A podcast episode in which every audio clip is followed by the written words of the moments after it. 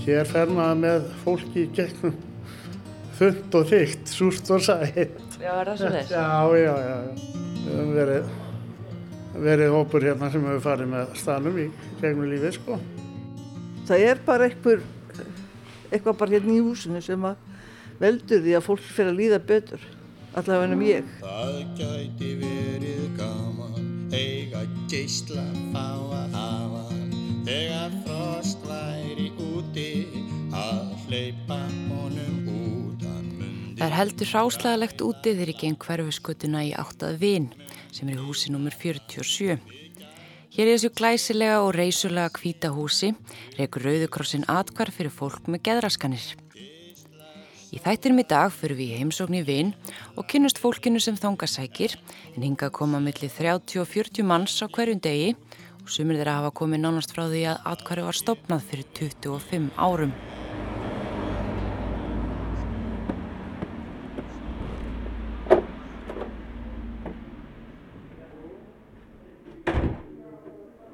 Þegar inn er komið er matarlikt í loftinu en þeir verða að undibúa hátegismatinn. Nokkri sittin í eldúsi að spjalla, aðrir í róli heitum í sófain í stofu og búið er að leggja á borð. Hér er hluti fastra gesta nýkomin heim frá Barcelona en ferðarklúpunum Víðsín fer í vild einu sinna ári til útlanda og nú var það strandbærin Sitges rétt fyrir utan Barcelona sem var fyrir valinu. Þegar inn er komið er verið að elda mat í eldhúsinu og nokkri sitja við eldhúsborðið að spjalla. Það stýttist í húsfundin sem er alltaf á mánudögum þar sem farið er yfir vikuna. Haldur á Pálsdóttir, fórstuðum að vinjar, segir að atkvarðið hafi verið opnað eftir að gerða var könnun. Þar sem komi ljósa fólk með geðraskanir var í mikilli hættu og félagsleiri einangrun og að úrræði vantaði hér á landi sem geti hjálpað til við að leysa þann vanda.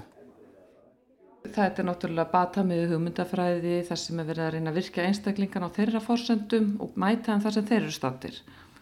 Og á þessum grunni var sem sagt byrjað og ásamt í að sjálfsögðu að, að skapa heimilislegt andurslút þar sem fólk geti upplifað að það væri ekki á stofnun og þetta væri ekki meðferðarstaður heldur eins konar svona félags heimili. Leita var fyrirmynda Erlendis og svo var vinsett á laginnar í þessu fallega húsi hér á hverfusgötunni. Þegar Rauðukrossin setur slík verkefnastað þá er yfirlt stemt að því að ríki og sveitafélög taki yfir rekstur þeirra en það gengur misvel eftir. Haldur á til nöðsilegt að Rauðukrossin taki enn þátt í verkefnunum. Það er mjög mikilvægt að Rauðukrossin, eða finnst mér, að Rauðukrossin haldi svolítið um stjórnatöfumana til þess að komi veg fyrir þetta verði stopnanlegt umhverfi. Því að það er akkurat það að þetta sé ekki stopnanlegt sem gera verkum að fólk upplifir þess að jafningja, nálgun, þetta fordómaleysi og, og það að bara þetta sé þeirra, þeirra staður. Hér getur komið verið örug, bara þarf ekki að vera að hugsa eins og margir segi, þarf ekki að vera að hugsa um alltaf ég sé veik. Eða þú veist ég er bara hérna og ég er bara í staðan fyrir að vera heima.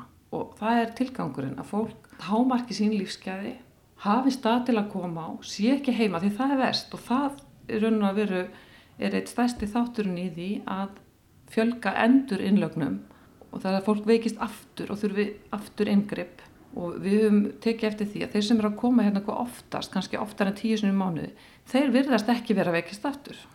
Þannig að þetta virkar rosalega vel eins og þetta er og ég vona svo sannarlega að hinn í staðinni sem eru þá komni meira undir stjórnbæjafélaga eða já, bæjafélagana að, að það verði haft svona þetta að leiðaljósi að stopnana væða ekki starfsemina. Rauðikrossin rekur starfsemi sína miklu leiti með sjálfbóðaliðum og hér í atkvarfinu hafa mörgundruð sjálfbóðaliðar unni frá því það var opnað.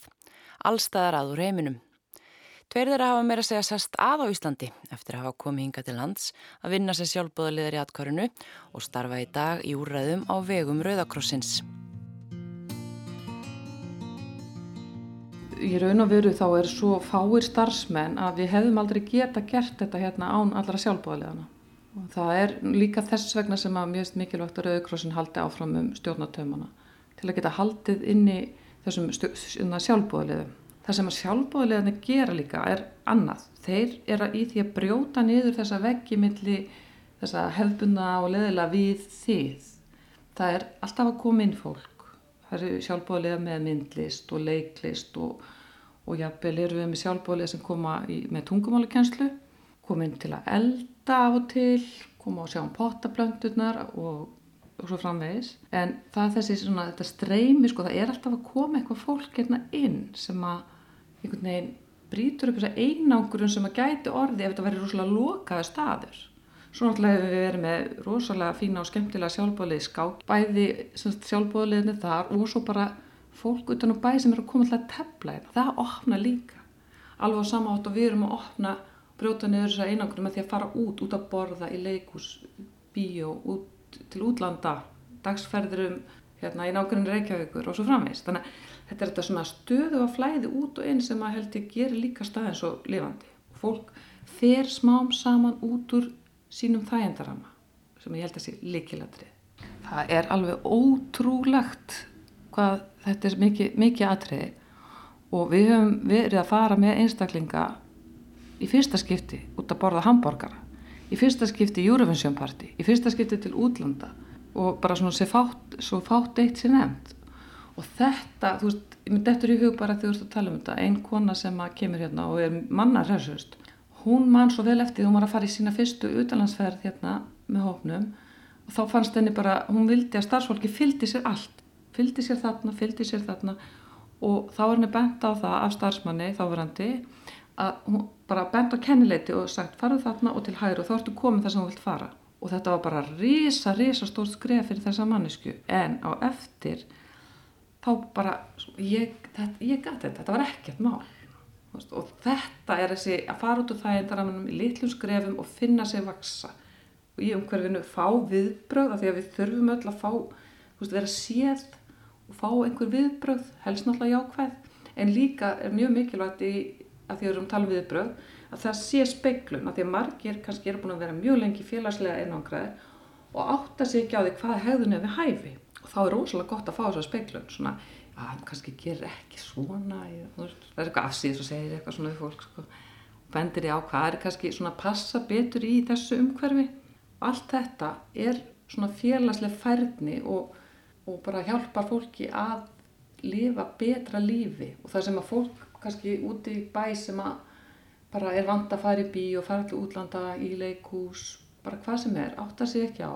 Þetta getur verið heilmikið mál og þarf bara þjálfun Hvað er að skemmtilegast að vera í vinn? Það er bara fólkið, það er svo ótrúlega dásamlegt, það er svo heilsteft og séð á bara hverjum degi einhver lítil kraftaverk, bara einhver sem kemur þér óvart með því að sína einhverjum öðrum alveg stórkoslega tillitsemi, það getur bara verið, já ég veit ekki, bara eins og það er slökun, það er svo frábært, það er svo alltaf eitthvað hverjum degi og þú getur einhvern veginn alltaf svolítið fengið að vera með í þessu og ég vil hjálpa eitthvað til og það er bara það sem gefur mér mest að kikið að vera einna. Næst hitti ég fyrir Garðar Sölva Helgason sem er grundu með geðklofa og er reglulegu gestur hér í vinn. Ég er mjög afbröðalögu geðsuglingur. Ég hef aldrei reykt, ég hef aldrei verið fullur á efni og því síðan eitt eiturlifja ég er með tandur hreina sakarskráfi ég hef ekki eins og fengið umfyrðalega sagt. Sko ástæðan fyrir því að ég hef aldrei verið fullur á efinu hún tengist ekki þessu veikindum heldur tengist svona því að ég ólst uppið það alla minna bensku að í næsta húsi bjó maður sem trilltist alltaf reglulega ef hann smakkaði vín. Og ég var mjög lítill þegar ég lofaði sjálfur með því ég skildi aldrei snerta þetta sem til það svona og ég staði við það. Hann var aðeins 16 ára gamall þegar hann var greindu með geðklofa Engininn byrjaði að koma í ljós eftir hann hóf nám við mentaskólan í Reykjavík. Hann var fyrirmyndanefandi en skólinn hendaði hann um ekki. Ég þóldi ekki þéringarnar í MR. Ég útskrifaðist úr landspróf frá gagfræðaskólanum í Laugalæk 1970 vorið, næst hæstur yfir skólan og fæðið mig blessaður, hann sem hann skipti þessu saman sem ekkert af mér Hann rálaði mér að fara í MR. Hann sagði að MR væri besti skólinn, allir helstu ráðamenn þjóðarinnar, það hefur lært í þessum skóla og það verið líklegast að þessi skóli fengi mestu fjárvetningarnar. Af því ég vildi hefa meira samband við hann, þá fór ég eftir þessu og með þetta landspróf þá gæti ég farið í hvaða framhanskólu sem var og þarna gati ég bara ekki verið. Ég þóldi ekki húsi, ég þóldi ekki kennana, ég þóldi ekki þetta andrúsloft og bara hætti þessu nokkru daga. Mamma var náttúrulega ekki ánað með það að þessi fyrirmynda nefandi með þetta fína landspróf væri bara hættur í skóla. Og hún fór með mig til heimilisleiknisins sem sendi mig til Þórða Möller sem það var yfirleiknir á Gleppi og hann greinir mig með göglofa í fyrsta vittalið sem er yfirleitt aldrei gert og ég hef aldrei getað skilið hvaða hann hafði enga fórsöndu til þess annar en, aldurinn og ég var hættur í MR. Hann var settur á geðklófalif en var ekki gefið með annað lif sem nöðsilegt er að gefa með. Sko nokkrum klukkutímum eftir ég tók um fyrstu töfluna og stakkaði tungan til mikill að muna og stóð langt út úr muninum að mér. Augun bara snýrist í höfun á mér, ég hafði ekkert vald á þeim. Mömmu bregður svo mikið þegar, að, þegar að ég missi tunguna svona út um mér að hún læti mig taka næra töflu. Og það náði Þórð og, og annan, annan lækni sem var frændið minn og það farið með mig upp á slísadeild og þar verði ég fyrir fyrstu fordómanum. Yfirlæknin ætlaði að reyka mig út. Hann sagði Þórður hefur spítala að hann getur haft sína sjúklingi hjá sér. Og en ég fekk nú samt að vera þetta nóttina. En það er ekki dælt upp á mér þegar ég kem upp, upp á slýstdeldina því að læknin gaf sér það að þessum tablamanni byrjaði að verka þá þýtt ekkert að dæla upp á mér. Það missi ekki að setjum töflunni og þegar fyrir tablan hætti að verka þá byrjaði svo setni og krampin held áfram alla nóttina. Bókin Glímt við geðklofa eftir Ívar Rafn Jónsson, þar sem Saga Garðasir sögð, kom út í fyrra. Þar segir hann frá umbunarkerfi sem hann hefur þróað og hann segir að hafa skipt sig öllu máli í því að lifa með sjútónum. Garðar Sölvi fór í öldungadeild mentaskólans við Hamralíð þar sem hann lærði meðal annars kenningar skinnes um atverðli og sálarfræði og þar kviknaði hugmyndin að kerfinu. Það var dætt minni í huga að nota kenningar skinnes á sjálfa mig. Ég er á kaupi hjá sjálfu mig við að gera það sem ég þarf að koma í verk. Ég borgaði mér 600 krónur á, á klukkutíman, 10 krónur á mínútuna við, við það sem ég er að gera, til dæmis að lesa og, og, og, og það sem ég gerir geri, geri hérna í vinn og þeir til dæmis fer ég þessar fyrirlæstaferðir skrifa ég niður hvað klukkan er legg að stað. Svo þegar ég kem úr, heim aftur úr, úr þessari fyrir, fyrirlæstaferð að þá reikna ég út hvað ég er búin að vera marga mínútur í þessari ferð, margvalda mínútur fölgda með tíu og fæ þannig kaupið. Og ég þarf að vinna mér inn svona fyrir öllu sem ég eigði sem ekki telst í prínustu lífsna sína. Þá skipti ég sólurhegnum með tvent frá 12 minnetti til 12 hátegi, frá 12 hátegi til 12 minnetti. Ef ég kem samlega skamlaust í gegnum þess að 12 tíma, þá bæti ég 1000 krónu við það sem ég er búin að vinna mér inn. Ef ég fær rættinnar, en kem samt sæmilega skamlaust í gegnum þessu 12 tíma þá bæti ég 6.000 krónuna við ofan á þúskallina frá 7.000 þetta kerfi svín virkar Garðar sáu móður sína og móður systur í mörg ár. Allt þar til þar létust önnur árið 2005 og hinn árið 2011 þar kom kerfið að góðum notum. Atvögin, atvögin nú hvernig þetta kerfi virkaði í gagvar skomlukonunum ef ég reytti einhver í þær jafnvel þó að þær gefi til mig til þess þá var ég fallin á svona 12 tímum og fekk ekki þúskallin og það, þetta hækkaði reyðið þrjóðskuldin maður híkaði við að sleppa sér því að þá kom hugsunin þúskallin, ég tap á honum.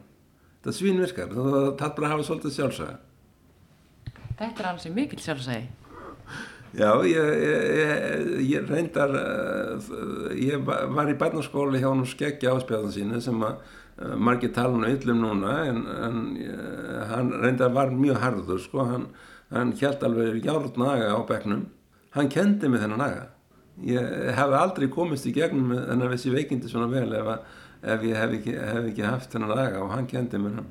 En þú nærði raunin að stjórna veikinduðinu svolítið bara með þessum sjálfsaga?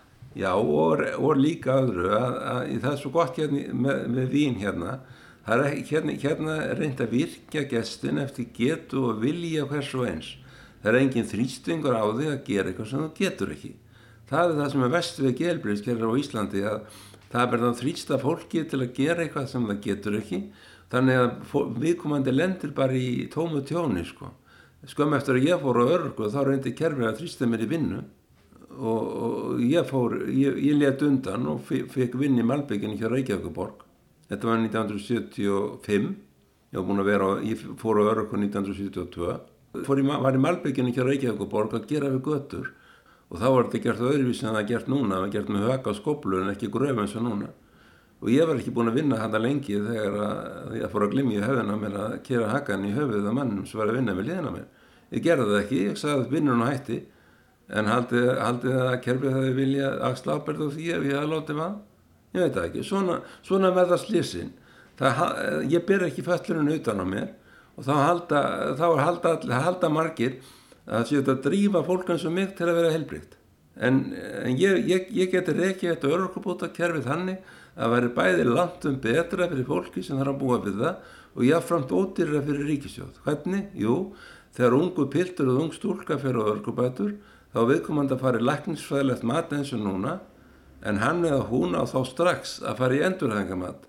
Það sem að hæfileikar þín að vera bara kortlaðir og kerfið síðan tekur utanum þig og reynir að hjálpa þér að ná einhverju réttindum á grundvöldi þína hæfileika. Ef að kerfið hefði farið svoleiðis með mig þegar ég fór á örukumbætur, staðan fyrir ídæminni vinnu sem ég réð ekki við og var bóstulega hættulegur uh, umhverfinu, ég, ég er mjög góður í bókværslu. Ef, ef ég hefði farið svona endurhæfingamat og þessi bókværsæfileikar hefði komið í ljós og kerfið síðan hjálpa mér að ná einhverju réttindum á grundvöldi þeirra, þá verður staðið minn annur. Svona á, á örkabóta kerfið að virka en ekki þess að vittleysu eins og núna að, að, að halda það sem bara hægt að drífa eh, fólk eins og mig til að vera helbrikt og, og líta fram hjá vikindum.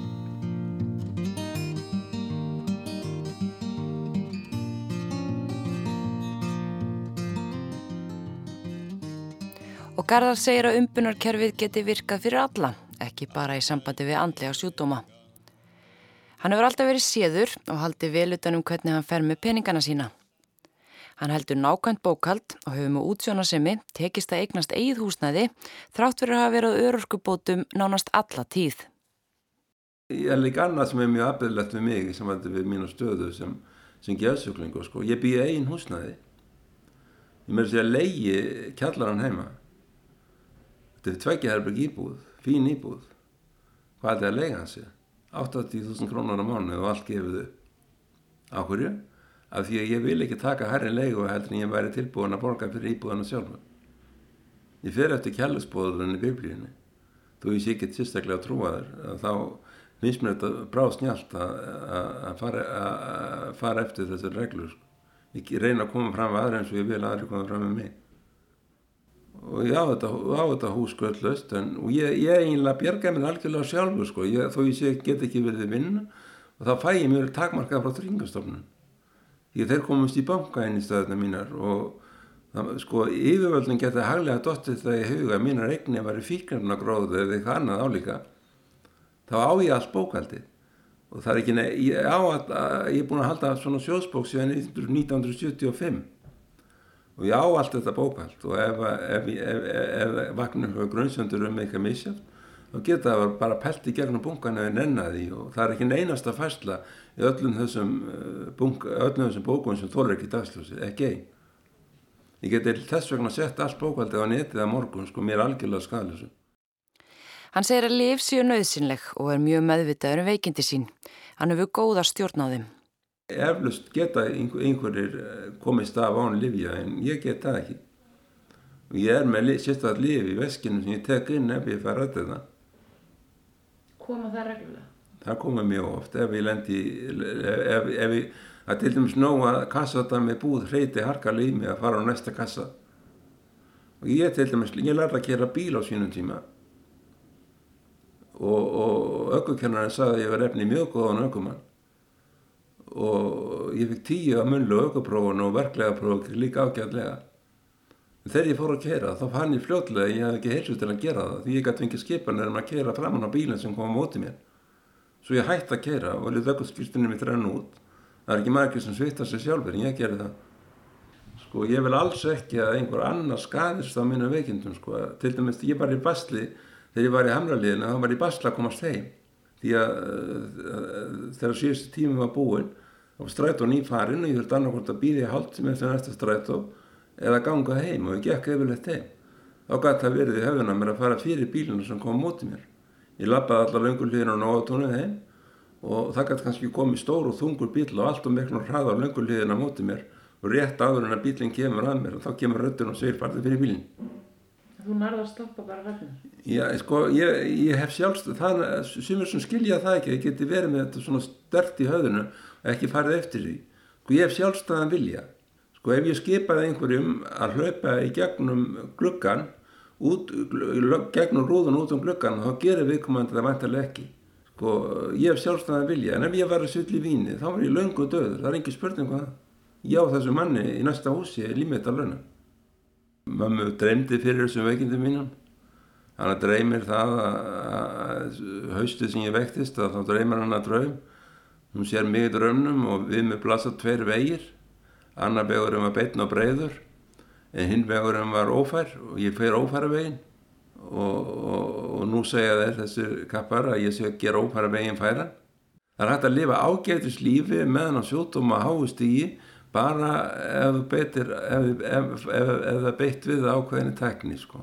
Tar, eins og ég segi það þarf svolítið sjálfsæga til að láta þetta umbjörnakerri virka það er margir sem hafa hendi frá sér og, og, og, og gefist upp á því. Hann segir mjög mikilvægt að fólk skammi sín ekki fyrir veikindi sín. Sko það okkur á fólk að, að skamma sín fyrir eitthvað sem viðkomandi getur ekkert gert að og fær ekki breytt. Sko það er bara, það er bara ekki engin, engin rauk í því segi ég. Það er bara þannig. Það, það, það að taka sko taka lífin eins og það er og reyna að gera eins gott úr þau eins og hægt er og notfæra sér þá aðstöðu sem maður er í bóði til dæmis eins og hérna vinn að þeir sem er, er, eiga erfiðstu gerðarskræðanar stríða þeir koma að hinga En þetta fólk sem að, það talar, talar yfirleitt ekki sínu máli sjálf því að það skamma sem fyrir. Ég hef aldrei gett að skilja það að fólk á að skamma sem fyrir þetta. Þess vegna er ég, vegna er ég að koma svona fram og, og, og segja söguna mína í skólum og svona sko. Eins og Garðar segir þá er mikilvægt að tala um hlutina til þess að draga úr fordómum. Áður en húsfundu byrjar, þá ræði ég aðeins við annan starfsmann, Viðar Hafstein Eiríksson sem er verkefnustjóri hér. Það eru margir sem að koma hinga sem að segja að staðu sem þessi hafi hreinlega bara bjarga lífið þess, hvorki mér enni minna. Að hafa svona atkvarf, uh, hitta fólk sem hefur verið að klíma við samskonar vanda og svo eru við starfsfólki svona á, á hlýðalínunu og auðvitað er engin meðferð sem fer hér fram, heldur meira uh, bara í formi þess að, að spjalla og kannski að, að leiðbina fólki þá að, að leita sér hjálpar ef að þess þarf og svo framvís. Það við erum alltaf með eitthvað dasgrá hér á hverjum degi en það er engin svona þvingar til þess endilega að taka þátt. Sumir eru bara þannig stemdir að þeir ætla bara að sitja á hósi kaffi og lesa blöðin. Þá er það allt í lægi, aðrir vilja taka þátt í öllu sem við bjóðum upp á og þetta er bara eins og segja, er, við reynum að gera þannig og þannig skapast svona bara já, ró og friður og fólk veit að alveg það er engin þrýstingur getur gert það sem það vill bara hérna auðvitað innan þessara regluna sem við setjum hér að sjálfsögðu. Það er darskrá í atkvarfinu á hverjum degi en fólk ræður sjálf hvort að teku þátt í henni. Það er eh, mikil áherslu lögð á skáklífið hérna til dæmis og þar eru þeir nú aðalsbrauturnar eh, hérna þeir stórkostlegu félagar Rapp Jökulsson og Róbert Lagermann og eh, hafa haft veg og vanda skáklífinu hérna og það hefur orðið til þess að Hér hafa þjálfast upp menn, eh, bara mjög góðu skákmenn, sem eru færðin að fara í önnur aðkverf og kenna skák. Viðar segir mikla þörf á staðins og vinn. Það er alveg gríðarlega þörf á svona stað og hingað er að koma um það byrj 40 manns á dag, gorki mér minna, og eh, ég er alveg samferður um það að staður sem þessi, ég er ekkert að segja að þetta sé besti staður í heimi, en staður eins og þessi hann fækkar innlögnum á sjúkarhús og við getum ímynda okkur að hver innlagna dagur er mjög dýr á sjúkarhúsi þannig að ég vil segja að þetta sé fyrir utan það hérna, e, sem er það stórkostlega í þessu að, að auglust líður fólki eitthvað betur e, með því að, að vita þessum stað og eiga, eiga þetta aðkvarf hérna en e, að hinnu leitinu e, myndi ég segja að þetta væri bara hreinlega þjóðhagslega hafkvæmt að hafa svona stað. Og taland um skákina, hér er telt daglega og svo eru stærri skákmót haldin mánaðlega. Hörður Jónasson segir mér nána frá því en hann byrjaði að koma enga fyrir nokkrum árum eftir að hafa heyrta því að hér væri mikið verið að tefla. Við erum hérna, ég og Hjálmar sem er hérna félagið minn niðri, hann er hérna með mér í, í þessu skákfélaginu og jújú, jú, við teflum heilmikið hérna svona nánast daglega þegar við eð, kíkjum á skák svona. En þess á milli þá erum við með hérna förum í til dæmis í hlutverkasetri á þriðdum, þar er ég með skákskýringar fyrir fólk sem já, annarkurtu yrkjar eða, eða fólk með geðraskan eða hvað sem er fólk sem kemur þar frá búsetu kjörnunum alltaf milli 1 og 3 Þú ert farin að kenna skák? Já, ég er með skákskýring og svo teflu við líka. Ekki beint að, ekki beint kannski að kenna skák en svona tek svona ímsa skákskýringar. Þið haldið svona mótir ekki svo leiðis? Jó, vinaskákfélagi heldur mót hérna í vin svona cirka annarkvæmt mánuð eða stundum einu sinna í mánuði vetratíman alltaf á mánudögum millir 1 og 3 þá. Og ég undanfari hef ég stjórnað þessum mótum.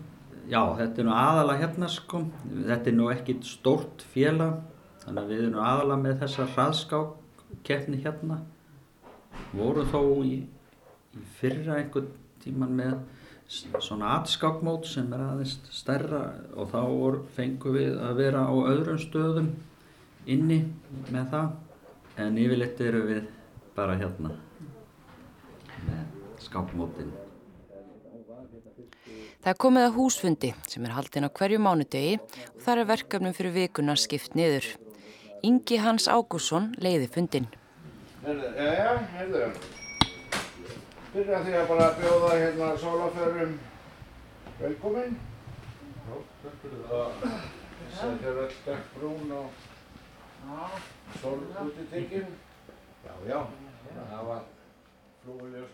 Eftir húsfundin er komið að hátegismat. Hér sjá sjálfbóðaliður um elda á samt starfsmanni og einhverjum gesti. Ég spjalla við Kristínu Bjarnadóttur sem kemur mjög reglulega atkvarfið og hefur gert undanfærin áratug. Ég mandi fyrst þegar ég kom hérna fyrir tíu árum síðan. Þá satt ég inn í eldhúsi og ég sagði ekkert einast orð. Svo svona klappaði öxlina á mér og ég var hérna, spurði hvernig ég hefði það. Bara fínt. Já, ég hefði ágætt, ég og svo leiti aftur nýri bringu og svo var ég búinn að finna einhvern einn til þess að tala við en þetta hefur allt breyst sko. það er búið að vera umsa breytingar á því nú á ég miklu auðvöldar með það eins og ég er að tala við því núna það er ekkert erfitt Það er ekki gert aður? Nei Kristín segist fljótt hafa fundið sig í vinn. Það bara gerðist eitthvað, ég fór að, að líða betur. Reyndar ég er búin að tala við gerðlækna og fá liv hjá gerðlæknin síðan og þá hefur svefnin lagast gríðarlega mikið. Utanlandsferðirnar og innanlandsferðirnar, þær gáði mér mikið sjálfströst. Fann bara betur að, veist, að, ég, að ég tilherði einhverjum hóp. Menn ég var í vinnu, þá tilherði ég ekki öðrum. En hérna tilheyri ég öðru fólki, líklegast að því við erum hér að glýma við geðsíki. Hún segist ekki geta útskýrt hvað það sé nákvæmlega við vinn sem sé svona magnað. Hér eru við bara alveg jöfn, starfsfólkið er ekki frú ofan okkur. Hér grínustu við, við, við, við starfsfólkið grínastu okkur og við, við á móti. Og líka sko, við skiljum hvert annað. Við skiljum, ef einhver segist vera í þunglindi, þá skiljum við það. Og við skiljum það að hann, þunglindi er ekki bara eitthvað stutt tími, það getur verið bara að fólk líki í rúminu, sko dögum saman, fer ekkert fætur. Þetta er kannski svona skilningur sem að er ekki jafn mikil skilningur á utan húsins? Já, það er ekki, já það er þannig. Það fólk, sko, fólk skilur ekki, ég held að líka sko, Ég skil ekki sögma sjúkdóma af því ég hef ekki, hef ekki sjálf reynslaði En ég sjálf er sko, ég hef minn skapgerðarbresti og eftir ég fekk lifin frá gæðlækninum að þá hérna, þá þól ég meira frá öðru fólki.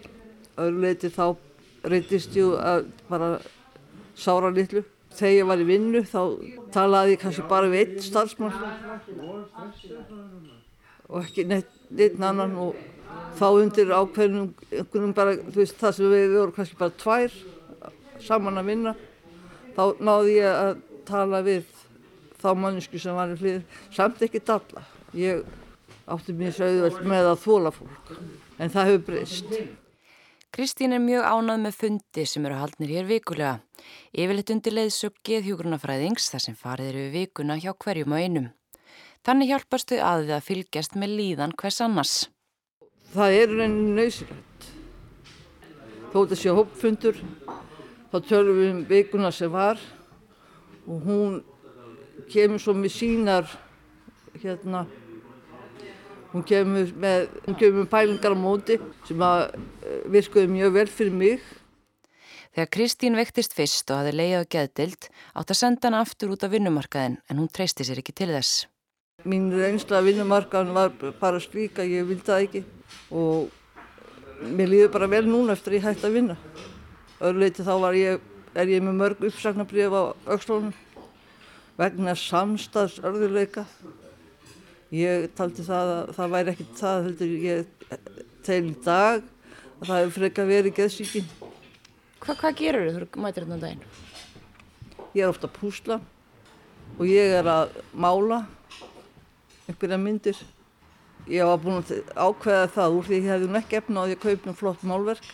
Skildi bara reyna að mála það sjálf og ég, tóst það með aðstof frá þeirri konu sem kemur inn á mándu og hún hjálpaði mér og hún sagði að nú skaltu vanda þig eins og getur og hún svona stýrði mér gegnum verkið og það tókst og hérna að lókuð þá e, fór ég hérna niður í búð og niður tækar og kipti ramma og rammaði myndina hingdan upp. Og að hverju málaður að mynd? Ég, þetta er bara svona vestfyrst landslag. Ég hérna hefur komið vestur á fyrði. Þetta er eiginlega svona, ég veit ekki hvort að ég, þetta sé bara eitthvað á Ísafyrði eða hvar.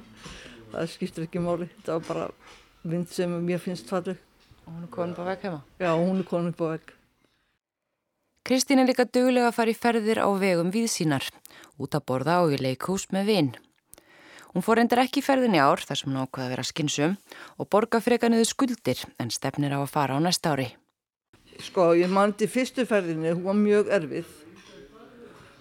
Og mér fannst þetta alveg ógulega erfitt og ég var búin að pakka niður hvað hálfum mánu áður, eitthvað svo lýs og hérna svo sá ég það eftir á að þetta hafði, en svo, þarna fann ég svona hérna jógst sjálfströystir í þeirri ferð.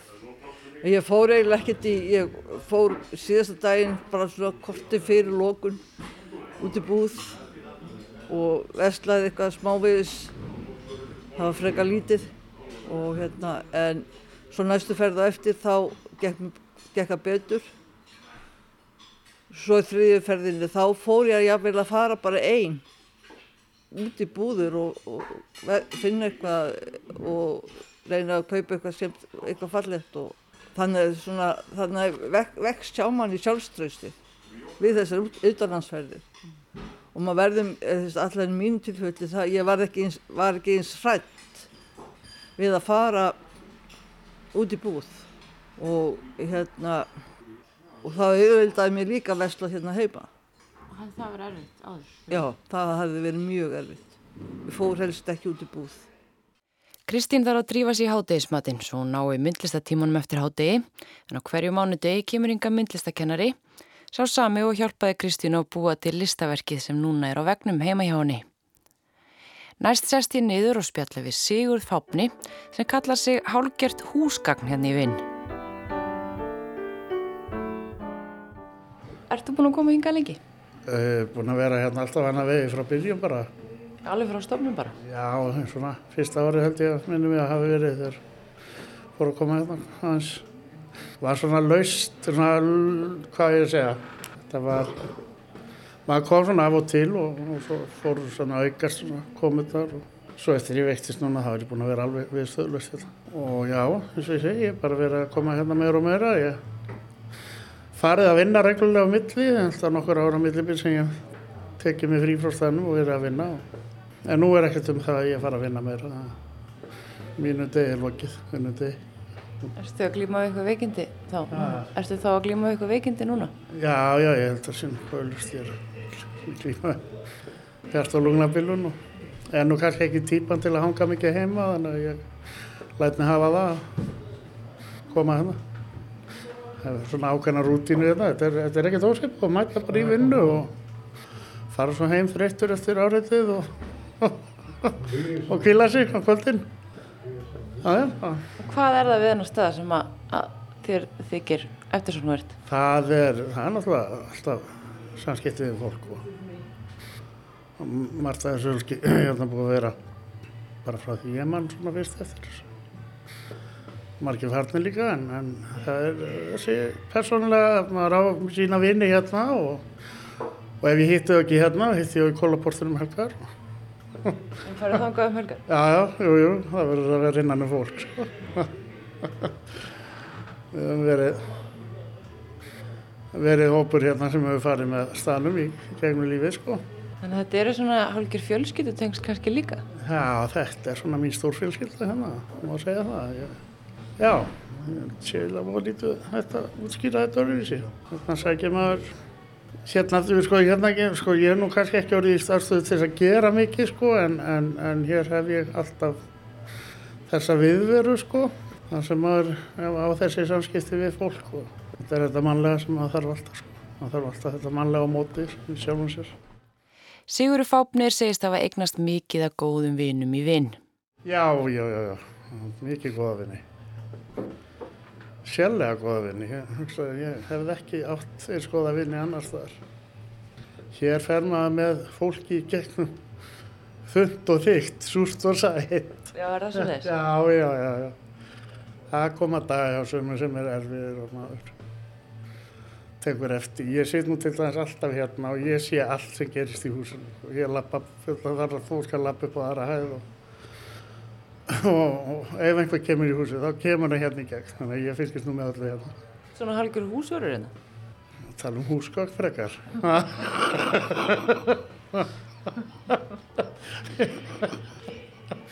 Ég heldur það, ég var svona einn á, húsgagnunum inn í þingurri.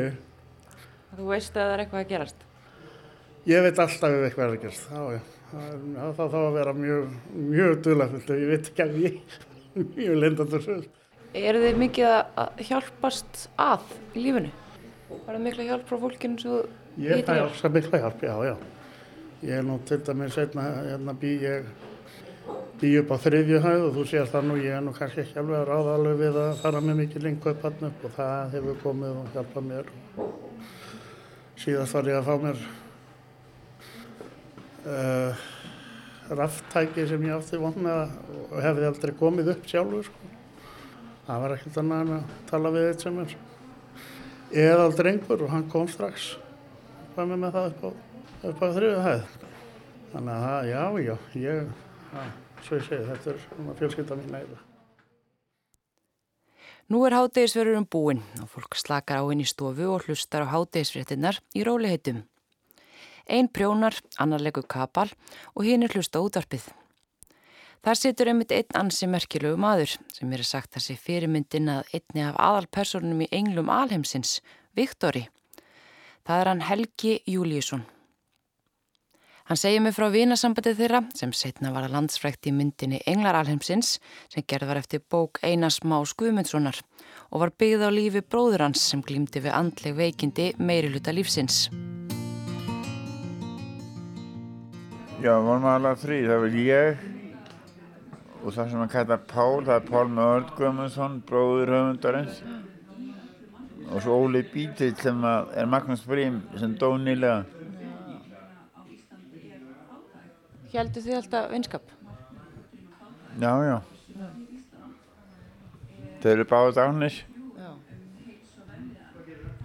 En e, þannig að þið kynnist á þarna inn á kleppi á sínum tíma eða hvað? Jú, jú. Já, Hvernig var að vera þar? mér var skott að vera að kleppi. Varstu lengi? Eitt og hálft ár. Og það var nú mjög misjafnum sögur af Kleppspítala á þessum tíma. Ég hef líka reynst af, af geðsjúkrós í Skotlandi og mér var kleppuð miklu betri. Fórstu fyrst á Geðsökurahús í Skotlandi. Já, Hvernig var það? Við sváum 40 saman í, í stórum seppsölum og það var ekkert enga líf og frekar umulögt. Hvernig var þetta? Það var árunum 1970 til 73. Varstu þá að veikjast fyrst? Já, Þetta er þetta sérstakt að vera í svona öðru, að vera ekki í svona heimalandi í svona aðstæðum. Mér fannst það allt í lagi. Ég talaði það góða ennsku. Bjóstu þá í Skotlandi á þessum tíma? Já, ég var við nám. Hvað varstu að læra? Fyrst tók ég útastpróf í Edinborg og fór svo í hanskólanum í St. Andrews í grísku, latínu og fórnandasögu og heimsbyggi í eitt ár. Og náður þá ekki að klára námið? Nei, ég veiktist á henni kláraði námið. Ég veiktist vorið 1970. Og hefur þá verið með hljöfum að glíma við þessi veikindi þá síðan þá? Já, Þú séu vantarlega margt já, breytast ábygglega í, í þessum læknisfröðum. jú. Það eru aðrar aðfyrir í dag heldur en voru þá. Ég var með gæðilegni í Skotlandi sem trúði á raflóstaðmeðferð Fórstu þessu leis? Og hann setti mig 50 eða 60 sinnum í raflóst. Var ekki hrikalegt að upplifa það? Jú, það var allir minnisleysi. Hvað varstu lengi á þessum spítalega í Skotlandi? Ég var með klíðum í þrjú ár. Og svo komstu til Íslands. Já, En hvernig lístu þessu veikindi sér fyrst þér? ég hefði, hefði rattir sem töluði illa um mig og fjölskyldu mína. Ég er á miklum livjum og þau slá all einkenni sem mér finnst ég ekki vera veikur. Þú voru betri líf í dag vantarlega en voru fyrir einhverjum árum síðan. Jú, jú, En hvað ertu búin að koma lengi inn í vinn? síðan 2005. Og hvernig það og byrjaði að koma hingað? Ég fóð með kunningjum mínum hingað fyrst í mat og vandið sá það kom alltaf hingað í mat fjór sem viku Hvað er það sem að, hérna, þú gerir þegar þú kemur hingað? þegar ég kem. Þegar þú kemur? Ég það er aðeins að borða og blanda gefi fólki hérna. Svo er það atriðið sem líklega allir muna eftir þegar vinir Páls fara á grillið á Hótel Sögu eftir að hafa farið í jarðaförun hans. Eitthvað frægasta atriði íslenskra kvikmyndasögu. Rifjum það aðeins upp. Getur við ekki bara að láta hann skilja flöskuna eftir? Nei, svoleiðis gerir maður ekki. Við pöntum bara aftur í glösin. En ef þið viljið þá á ég mokadól með konjækinu. Já, nei takk, ég held ég fái bara frekar ís. Sama hér. Heldur þú myndir vilja færa jarðeigundunum hérna meira kaffi, annað konjak og flottasta ísin sem húsið býður upp á. Sjálfsagt. Og vindla. Og, og fá reikningin um leið. Og konjak.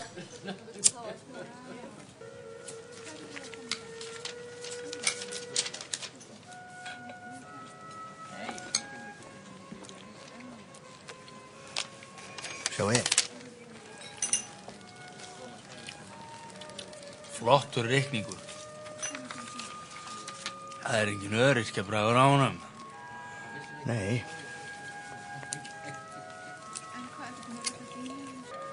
Þetta gildir ekki sem ávísun. Við erum allir vistmenn á kleppi. Verið svo vinsalegir að ringja á laurugluna strax. Það var ákaflega ánæguleg máltíð. Við getum vel hugsað okkur að koma aftur. Já. Er það rétt sem maður er að heyra að þú sért fyrirmyndina að einum hana? Jú, jú. Ég, ég vissi það strax að ég las bókina. Ég las bókina fyrst. Hvernig þið það? Að lesa um þér? Mér fannst það bara hlægilegt. Var þetta rétt að lýsingar? Að mestu leiti, já. Sko, höfundurinn hefur frétt af mér af bróðu sínum, Pálma Erni, sem að reynda að bauð mér heim til sín stundum. Það sem að hann átti heima með fóröldur sínum og bróður og það er að reyna már kynnsmér þó að ég munni ekki eftir honum. Þannig að það voru yngri strákur sem ég man ekki eftir. Þannig að, að, að hann vita kannski á þér og þú vissir hver hann var. Einmitt, já. Það er bara uppspunni. Var það uppspunni? Já. Þú varst ekki með þar? Nei, En var eitthvað sambærilegt sem að þið gerðu?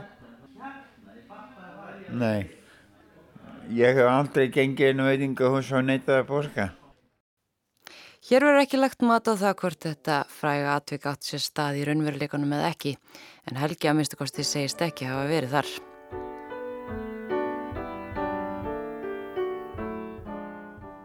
Nú er verið að taka til eftir hátegisverðin og fólk fær sér kaffisúpa. Ég ræða eins við Inga Hans Ágússon sem hefur starfað hér í rúm 20 ár. Stærsta og helstu breytingar sem maður séð er svona hvernig margir hafa þroskast og þróast í þetta frá því að vera ósköp þauðulir og væmanna þegar koma. Og svona bara setið og lítið í blöðin og vera ekkert að blanda að geða mikið. Fanga til að það byrjar að fara í ferðir og taka þátt í stafsinu, bæði eldamennskunni og jafnvel undirbúning, við erum með stjórn stjórn við sínar sem er mest samsett af gestunum hérna. Og sá sem sér um bókaldið það er einn af gestunum og ég hef alveg séð um fjármálinn og séð líka um fjármálinn sambandi við mandinu og það. Þannig ég er svona jókemp hérna á sæðinu mm. hundskama fólkið að vestlar í Jakob. Og minna eins og svona ferðir sem fólki var að koma út minna nokkrir. Þetta eru fyrir einu ferðirnar. Og hjá mörgum sko, þetta er kannski ekki fyrst af þeim núna en þegar við fórum fyrst þá var þetta fólk í fyrst skipti sem að það hefði farið elendis. Fólki hefur, þetta er eins og þú segir hérna, meðaldur, alltaf séum ekki eitthvað svona rúmlega sakstöður. Þannig að flestir hafa búið bara hjá mamma og pappa og fólkdunum dánir og sem er búið einir og, og nokkrir eru að vinna og koma svo hérna, kíkja svo við. En, en það er svona þessi félagslega sko höft sem fólk var í maður sé svona eiginlega mestu breytingarnar af því. Og fyrir út að borða þá erum við 80-20 mannst. Þetta er eina skipti sem fólki fer út að borða. Þú veist það er margir kannski sem er líka búin að brjóta af sér alla brýr.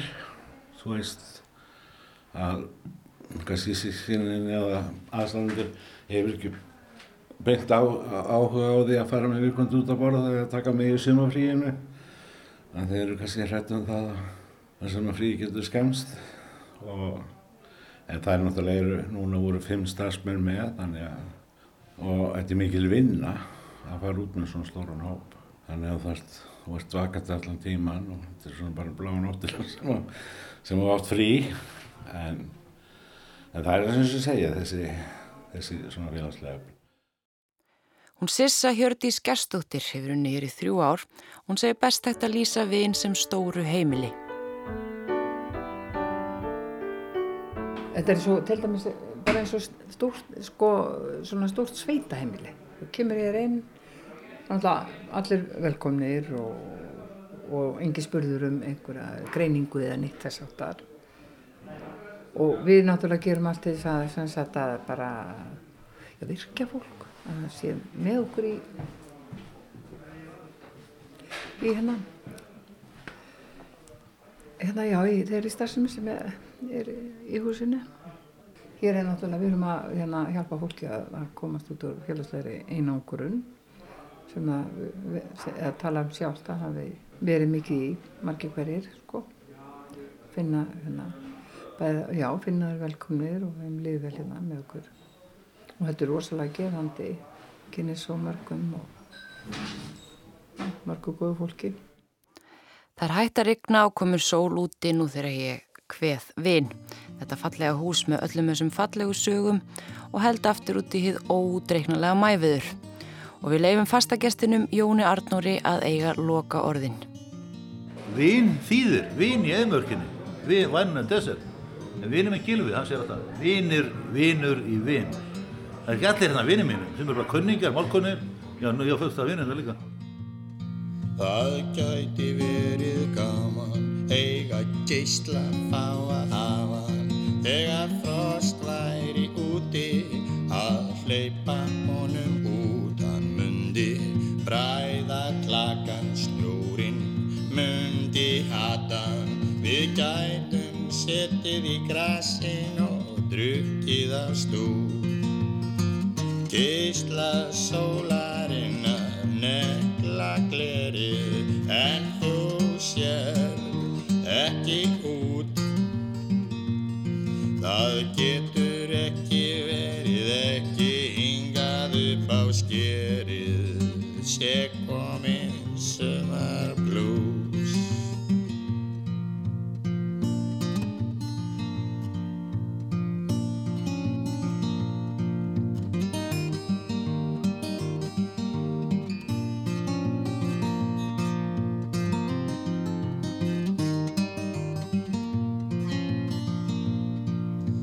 gæti verið gaman ef við færum eitthvað saman.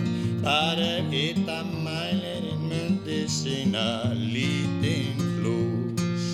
Fuglar myndu syngja, kirkjuklukkur ringja Sólin og ég við gætum varðið dús.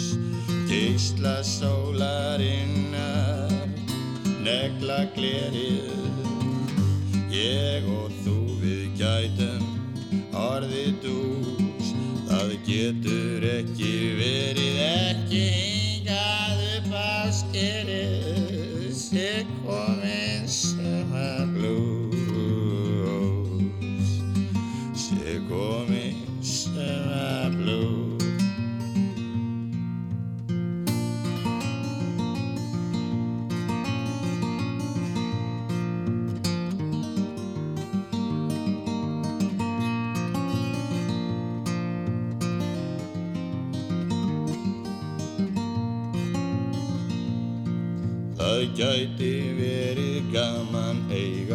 Geisla fá að hafa þegar Frost væri úti.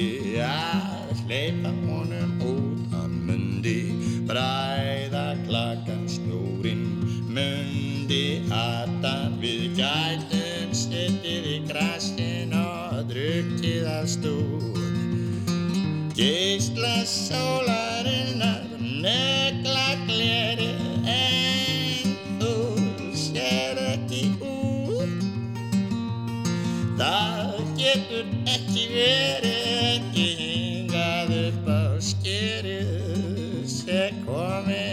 komin